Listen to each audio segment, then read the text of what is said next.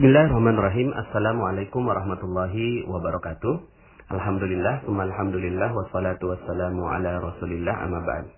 Alhamdulillah, senang sekali bisa bertemu kembali di audio Magnet Rezeki. Semoga saya doakan uh, para member channel Telegram ini mendapatkan keberkahan dari Allah Subhanahu wa taala. Dan uh, saya senang sekali ketika membaca dan mendapatkan banyak sekali testimoni-testimoni Anda semua yang kehidupannya makin berkualitas, makin berkah, makin berlimpah, dan makin dahsyat, makin mendapatkan uh, rezeki yang luar biasa dari Allah Subhanahu wa taala. Kita doakan semoga seluruh member-member uh, dari channel Telegram ini juga mendapatkan uh, keberkahan yang sama dan bahkan lebih dari itu. Oke Bapak Ibu, saya sudah berjanji ingin menyampaikan tentang ilmu Garputala dan ilmu ini dahsyat sekali. Uh, saya ketika mendapatkan ilmu ini seperti uh, mendapatkan anugerah yang luar biasa dan akhirnya saya selama ini hidup dengan ilmu Garputala ini ya. Oke Bapak Ibu, sebelum saya sampaikan tentang ilmu Garputala, saya ingin bercerita dulu ya Waktu itu ada seorang ibu yang uh, eh, BBM saya. Assalamualaikum Ustaz, saya udah nggak mau hidup lagi. Kaget saya mendapatkan uh, eh, BBM seperti itu. Belum pernah saya mendapatkan BBM yang seperti itu. Ya palingan SMS aja mama tolong kirimin pulsa begitu ya. Kalau yang kayak gitu responnya gampang. Tapi kalau ada orang mau bunuh diri menghubungi saya, ya saya juga nggak ngerti apa yang ada dalam pikirannya sang ibu. Ya Ustadz saya udah nggak mau hidup lagi. Akhirnya saya coba tanya balik ibu ada apa? Ya kemudian akhirnya sang ibu bercerita iya Ustadz saya punya anak laki-laki umur satu tahun meninggal dunia. Ya meninggal dunia mah biasa tapi kenapa kok sang ibu ini udah sampai uh, udah nggak mau hidup lagi? Ternyata meninggalnya dengan cara yang tragis bapak ibu. Ya uh, sang suami mundurin mobil, sang anak main di belakang, lalu kemudian akhirnya kelindes. Uh, dua orang kakaknya melihat dengan mata kepala sendiri sang adik dilindas mobil oleh sang ayah. Berteriak kencang, lalu kemudian sang ibu yang ada di belakang lagi mungkin lagi masak atau apa, kemudian keluar dengan tergopoh-gopoh dan melihat anaknya meninggal dunia. Lalu kemudian dia gedor-gedor gitu ya uh, pintu kacanya baru kemudian sang ayah turun ya akhirnya empat orang empat orang hamba Allah melihat dengan mata kepala sendiri sebuah kejadian yang amat teramat dahsyat buat kehidupan mereka sampai akhirnya ya saya merasa wah pantas aja kalau mereka ini uh, kalau sang ibu ini selalu terhantui gitu ya, terhantui dengan pikirannya. Nah, uh, kalau Anda mungkin sudah dengarkan materi saya tentang jeruk nipis, ini jeruk nipisnya udah bukan jeruk nipis lagi Bapak Ibu ya. Jeruk nipisnya udah mungkin ratusan puluhan gitu, tertetesi di seluruh tubuhnya. Ya, ketika membayangkan misalnya disebutkan nama anaknya saja, saya bisa bayangkan betapa traumatiknya luar biasa. Nah, uh, pada saat itu saya juga kebingungan Bapak Ibu ya. Dan waktu itu posisinya sang ibu ada di sebuah kota yang jauh dari saya ya. Kemudian saya ada di Depok gitu. Terus kalau seandainya itu orang ada di depan saya mungkin saya bisa uh, langsung nasihati secara live gitu ya. Tapi ini orangnya jauh. Bagaimana caranya? Ya. Nah, di sinilah korelasinya ilmu Garputala Bapak Ibu. Waktu itu kemudian saya bilang begini, Ibu, kalau ibu percaya sama saya, kalau ibu percaya sama saya, tolong ibu ambil air wudhu gitu. Akhirnya alhamdulillah dia percaya sama saya dia ambil air wudhu. Saya pun mengambil air wudhu juga gitu ya untuk menyamakan energinya. Nah, jadi di sini korelasi ilmu garputala ya. Uh, nanti saya jelaskan tentang garputala ya. Nah, kemudian Bapak Ibu, uh, Ternyata sang ibu ini respon. Waktu itu saya berpikirnya sederhana. Seseorang yang sedang galau luar biasa, khawatir, marah, cemas, kalau wudhu insya Allah bisa jauh lebih tenang gitu kan. Itu aja pikiran saya untuk membantu sang ibu. Tapi ternyata dia BBM lagi. Alhamdulillah Ustaz, saya sudah wudhu. Sekarang apa yang harus saya lakukan gitu ya. Kemudian akhirnya saya bilang begini, e, Ibu temannya wudhu, sholat. Sholat deh, saya bilang gitu ya. Akhirnya dia sholat Bapak Ibu ya. Ternyata dia ajak suaminya. Dia sholat ya, uh, sholat hajat, sholat duha gitu ya. Lalu kemudian setelah sholat, dia hubungi saya lagi. Alhamdulillah Ustaz, saya sudah sholat. Sekarang ngapain begitu ya? Kemudian saya bilang begini, e, coba deh bu buka Al-Quran gitu. Sebenarnya saya juga nggak ngerti apa yang terjadi ya. E, saya pernah diskusi gitu ya. E, katanya ini 30 tahun belum tentu sembuh nih gitu kan karena depresinya luar biasa gitu ya. Ya saya apalah saya gitu ya, bukan siapa-siapa. Akhirnya uh, saya bilang begini, Bu, temennya sholat Al-Quran, coba deh ibu buka Al-Quran. Siap Ustaz ya. Nah uniknya adalah ketika dia nanya, ayatnya ayat berapa Ustaz gitu. Nah sampai saat itu saya mentok tuh, iya ya ayatnya ayat berapa ya gitu ya. Tapi kemudian akhirnya saya udah nggak sempet nanya orang, udah nggak sempet googling gitu ya Bapak Ibu ya, udah nggak sempet lagi uh, melakukan apa pun, akhirnya saya sekenanya aja dan itulah mula awal mula saya ketemu dengan ilmu ini. Kemudian saya bilang begini, Bu, buka aja sekenanya, ya, buka aja sekenanya Al-Quran, yang pertama tertumbuk di mata, yang pertama kali terlihat di mata, itulah jawabannya insya Allah. Saya bilang begitu, pede aja saya yakin gitu ya, karena takutnya orang yang ada di uh, ujung BBM saya nih udah mau bunuh diri gitu ya. Saya takutnya begitu ya.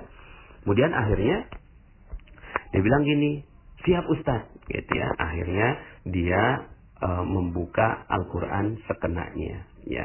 Akhirnya saya tungguin gitu ya uh, sang ibu ini. Apa yang terjadi pada sang ibu gitu kan. Saya tungguin ini sang ibu akhirnya kok nggak hubung-hubungi saya lagi. Saya takut kejadian nih gitu kan.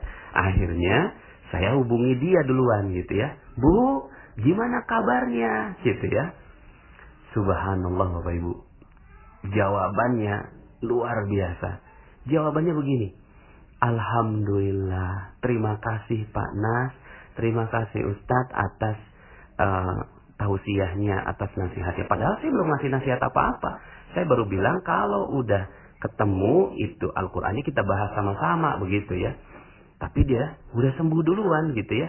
Akhirnya dia datang ke rumah orang tuanya, datang ke rumah mertuanya, selesai dan setahun berikutnya diganti lagi anak yang keempat dan laki-laki lagi gitu ya.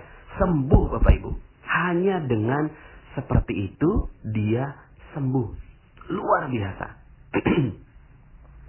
Akhirnya yang saya coba tanyakan adalah, Bu, ya, itu ayatnya ayat berapa gitu. Itu yang bikin saya penasaran. Kok bisa? Hanya dengan begitu, itu dia bisa sembuh. Ternyata dia membuka dua tempat, tapi yang saya ingat satu Bapak Ibu.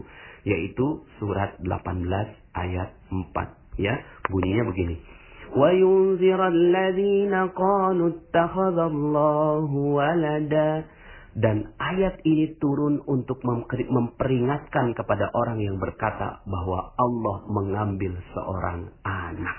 Kaget dia ya ketika membaca ayat itu. Saya juga kaget luar biasa, merinding sekali. Kok bisa ngepas ayatnya? Kok bisa ngepas seperti apa yang ada di kepalanya dia. Ternyata di kepalanya dia tuh dia menuduh Allah, ya Allah kenapa kau ambil anakku? Kenapa kau ambil yang laki-laki? Kenapa kau ambil dengan cara yang tragis? Kenapa kau ambil sekarang dan seterusnya? Di kepalanya dia, dia menuduh bahwa Allah mengambil seorang anak, mengambil anaknya dia, gitu ya. Lalu kemudian yang lebih dahsyatnya adalah ayat berikutnya. Malahum bihi min ilmin wala li abaihim kaburat kalimatan takhruju min afwahihim iyakuluna illa kadhiba. Mereka sekali-kali tidak mempunyai pengetahuan tentang hal itu, begitu pula nenek moyang mereka. Alangkah jeleknya kata-kata yang keluar dari mulut mereka. Mereka tidak mengatakan sesuatu kecuali dusta.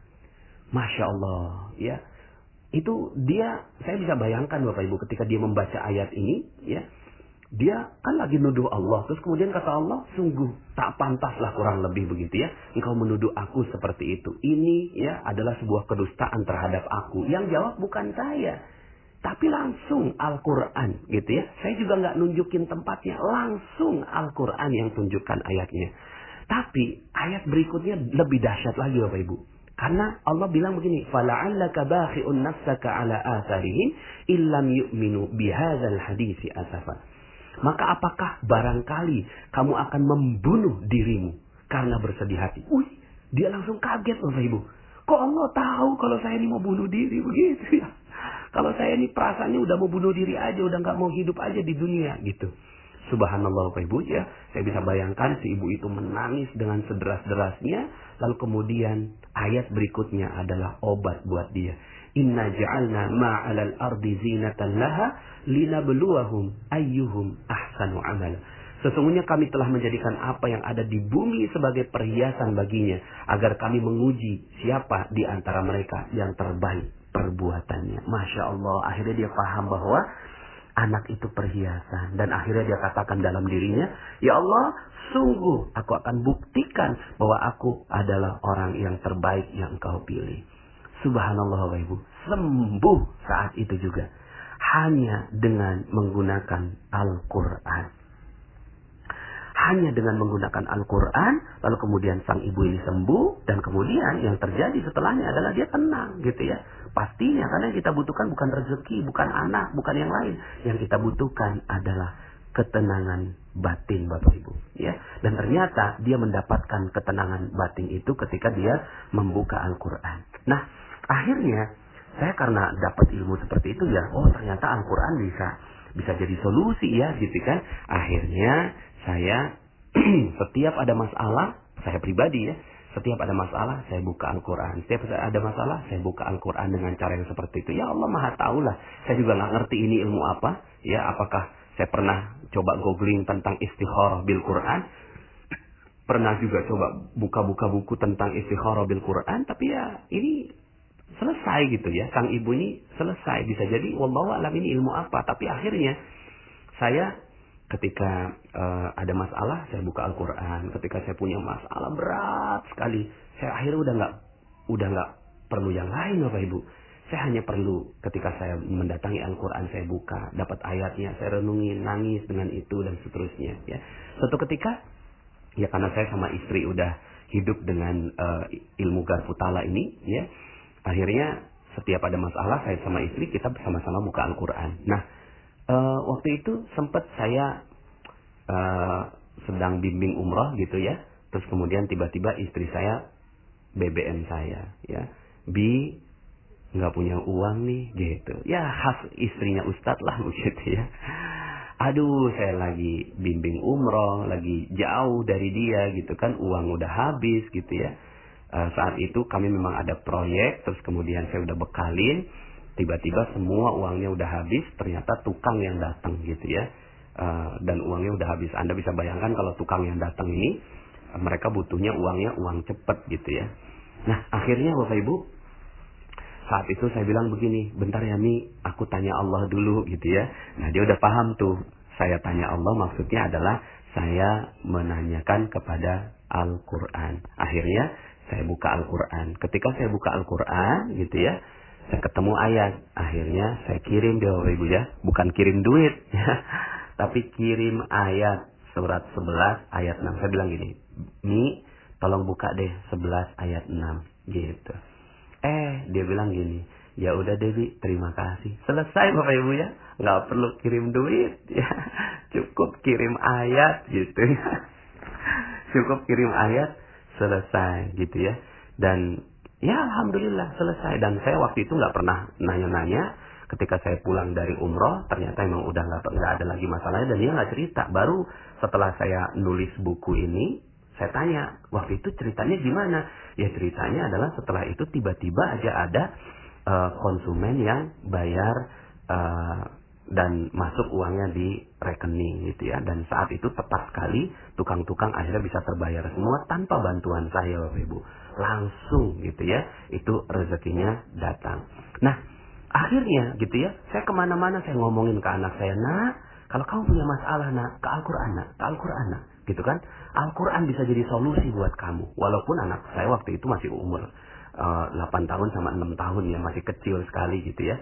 Saya saya bilang, udah pokoknya Al-Quran nak, Al-Quran nak. Eh, anak saya yang kedua bilang, Bi, aku punya masalah. Hi, anak kecil punya masalah, anak umur 6 tahun gitu kan. Masalah kamu apa nak? Iya Bi, setiap aku pelihara hewan kenapa mati terus ya bi ya oh gitu ya aduh dalam hati saya masya Allah ya Allah ini anak saya mau berinteraksi dengan Al-Quran tolong ya Allah coba gimana ya akhirnya saya bilang ke dia ya coba nak buka Al-Quran pas dibuka ternyata surat An-Nur ayat kurang lebih 40-an Allah lah yang ciptakan uh, hewan beragam bentuknya. Ada yang kakinya empat, ada yang kakinya dua, dan ada yang berjalan di atas perutnya. Eh dia bilang gini, ih ngepas banget ya bi, gitu. Uh, kan apa? Uh, kelinci kakinya empat kata dia gitu ya bebek kakinya dua ya, terus kemudian ikan berjalan di atas perutnya dia udah ngerti bapak ibu ternyata Allah mengerti apa yang ada dalam jiwa anak saya umur enam tahun masya Allah Terhadap anak saja itu Allah juga peduli. Eh kakak yang angkat tangan. Bi, aku juga punya masalah. Hah? Masalah apa kamu nak? Iya bi, setiap minjemin barang ke temen, kok kenapa? Uh, apa namanya nggak balik bi gitu kan? Ya nggak balik tuh gitu ya. Terus kemudian saya bilang sama dia. Terus kata Umi apa kata Umi? Kata Umi suruh rebut balik bi. Gitu. Oh gitu ya. Oke coba deh kita buka apa yang uh, Allah mau di dalam Al-Quran. Pas dibuka, ternyata ayatnya, Iza asobathum musibah, qalu inna lillahi wa inna ilaihi rajiun. Kalau kamu dapat musibah, katakan semua juga punya Allah dan akan kembali kepada kepada Allah, gitu ya. Eh dia nanya, maksudnya apa bi? Kayaknya maksudnya diikhlasin aja nak, gitu kan? Karena kan itu barang-barang kamu ya pensil kamu penggaris ya dan seterusnya. Itu punya Allah akan kembali kepada Allah. Jadi gimana? Mau pakai sarannya Umi apa sarannya Allah untuk mengikhlaskan? Sarannya Allah dong di. Selesai. Nah subhanallah Bapak Ibu ya. Akhirnya saya selalu menggunakan ilmu garpu tala ini Bapak Ibu. Setiap ada setiap ada masalah yang berat yang saya nggak tahu jawabannya, masya Allah, Akhirnya saya datang kepada sumber. Nah, saya sekarang mau jelaskan tentang ilmiahnya Bapak Ibu. Uh, akhirnya saya coba mengilmiahkan apa sih sebenarnya ilmu ini gitu kan. Apa sih sebenarnya ilmu ini? Ternyata Bapak Ibu, mungkin kalau Anda masih ada yang pernah ingat ada uh, percobaan garpu talak ya Bapak Ibu ya. Jadi ada dua garpu, ya garpunya garpu percobaan ya bukan garpu makan garpu percobaan di sebuah lab ya ada garpu A garpu B dihadap-hadapkan lalu kemudian garpu A ini diberikan getaran ya. Uh, ting gitu ya. Tiba-tiba garpu yang B yang ada di depannya juga ikut bergetar padahal mereka tidak berhubungan satu sama lain. Ding jadi sama-sama bergetar. Si A bergetar tiba-tiba garpu tala B juga bergetar. Nah Bapak Ibu untuk mendapatkan ketenangan batin yang saya sampaikan rasanya kita udah nggak bisa sendirian Bapak Ibu.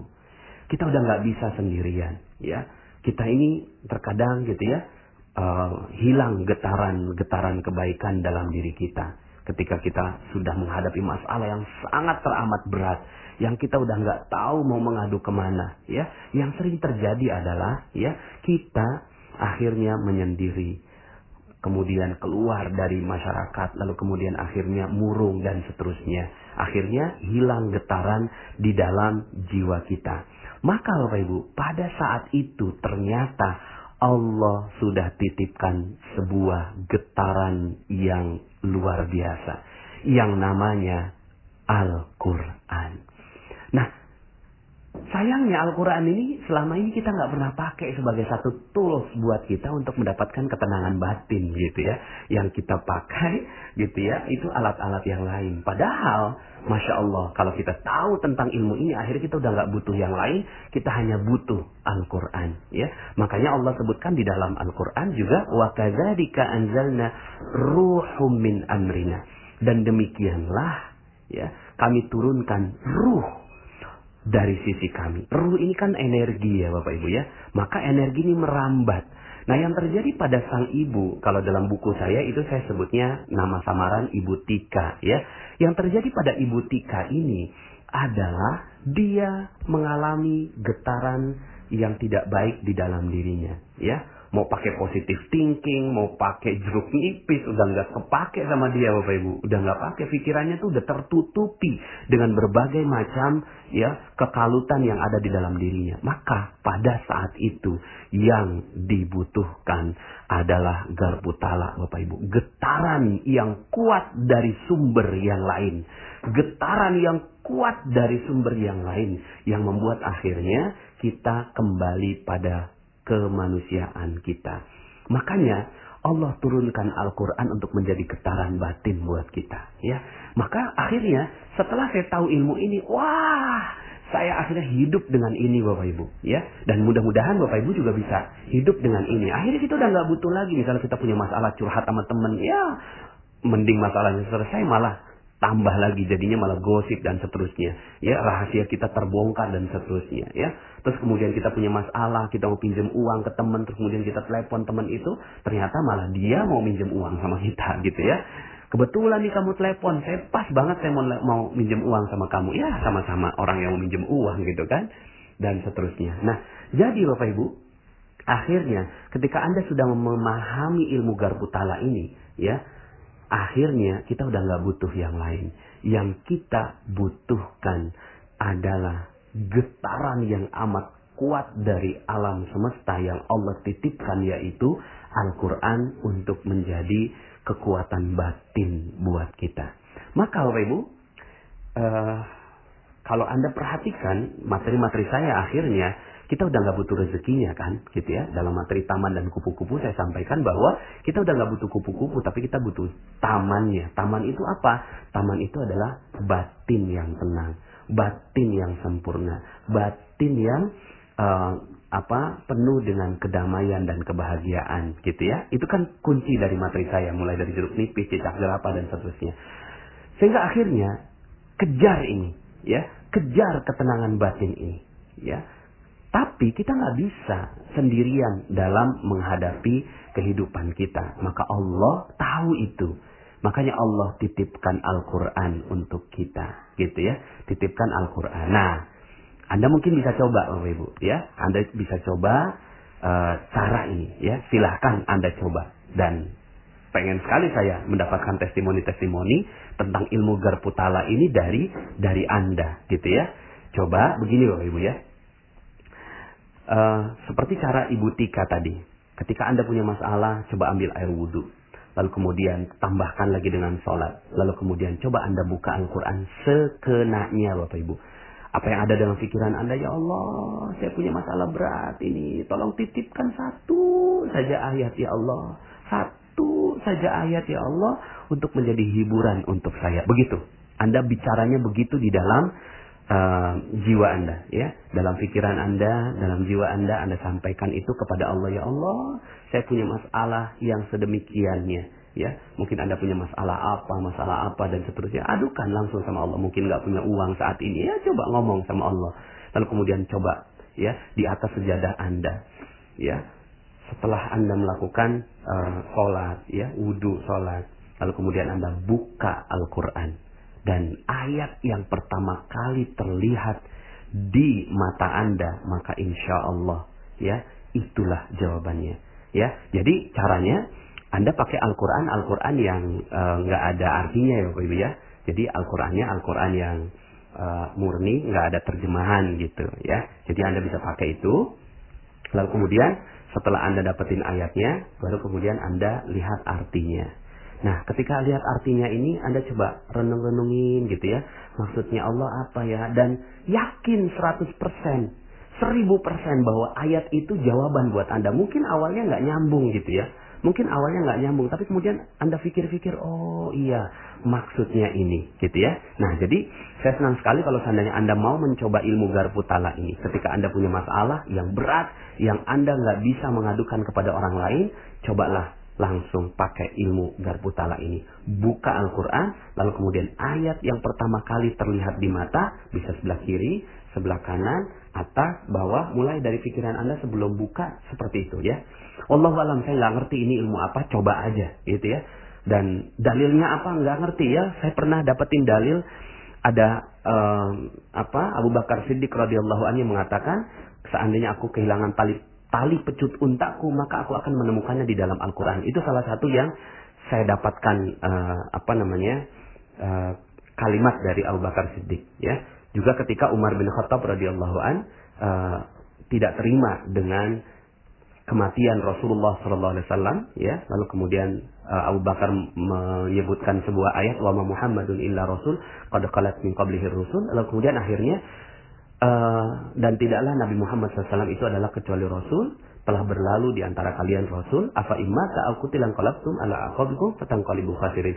Apakah kalau seandainya beli, uh, nabi itu meninggal dunia lalu kemudian engkau kembali kepada uh, kezaliman, kejahiliahan, kekafiran kamu dan seterusnya. Nah akhirnya kata Umar bin Khattab radhiyallahu anhu seakan-akan saya baru mendapatkan ayat itu. Nah kurang lebihnya seperti itulah. Kita bukan kayak para hafiz Quran yang hafal Al-Quran di luar kepala gitu ya. Ya kita nih siapalah gitu ya. Saya juga bukan siapa-siapa, nggak ngerti apa-apa ya cobalah kayaknya kayak ilmu ngecak gitu ya ngebuka Al-Quran gitu tapi ya Bismillah coba aja gitu kan. Saya juga nggak ngerti ini apa ya. Uh, mungkin nanti ada sebagian dari teman-teman dari yang mendengarkan audio saya yang bisa memberikan input kepada saya itu ilmu apa. Tapi sekarang ini saya pribadi hidup dengan ilmu garbutala setiap ada masalah saya buka Al-Quran. Setiap ada masalah saya buka Al-Quran. Dan saya menemukan keajaiban saya di dalam Al-Quran. Sebuah energi garpu tala yang Allah subhanahu wa ta'ala titipkan di muka bumi. Oke, okay, Bapak Ibu, ya, uh, sudah cukup panjang ini audionya. Mudah-mudahan Anda mendapatkan hikmah dari uh, ilmu garpu tala ini, ya. Setiap ada masalah-masalah, waktu itu sempat saya uh, apa namanya ya namanya bisnis waktu itu sempat diadukan ke polisi udah masuk udah uh, sedikit lagi masuk gitu ya. Uh, masalah yang berat buat saya akhirnya saya coba gitu kan buka Al-Quran gitu ya. Ternyata keluarnya surat Ad-Duha gitu ya. Surat Ad-Duha yang uh, kalimatnya adalah sungguh Tuhanmu tidak meninggalkanmu. Wah subhanallah. Saya merasa uh, bersyukur sekali gitu ya uh, Tuhanmu tiada meninggalkan kamu dan tiada pula benci kepadamu. Masya Allah. Itu akhirnya menjadi uh, hiburan buat saya gitu kan. Terus kemudian ketika uh, saya punya masalah yang berat sekali, kemudian akhirnya ternyata Allah jawab gitu kan. Uh, dalam surat Hud, dalam surat Hud ayat 123 dan kepunyaan Allah lah apa yang gaib di langit dan di bumi. Dan kepadanya lah dikembalikan urusan-urusan semuanya. Maka sembahlah dia dan bertawakallah kepadanya. Dan sekali-kali Tuhanmu tidak lalai dari apa yang kamu kerjakan. Masya Allah akhirnya saya peluk itu ya Al-Quran. Saya peluk itu ayat gitu ya. Dan saya hidup dengan ayat-ayat yang sepertinya ditujukan untuk saya.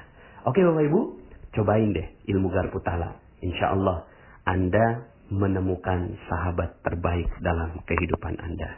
Terima kasih, saya Nasrullah. Sampai jumpa pada audio-audio berikutnya. Assalamualaikum warahmatullahi wabarakatuh.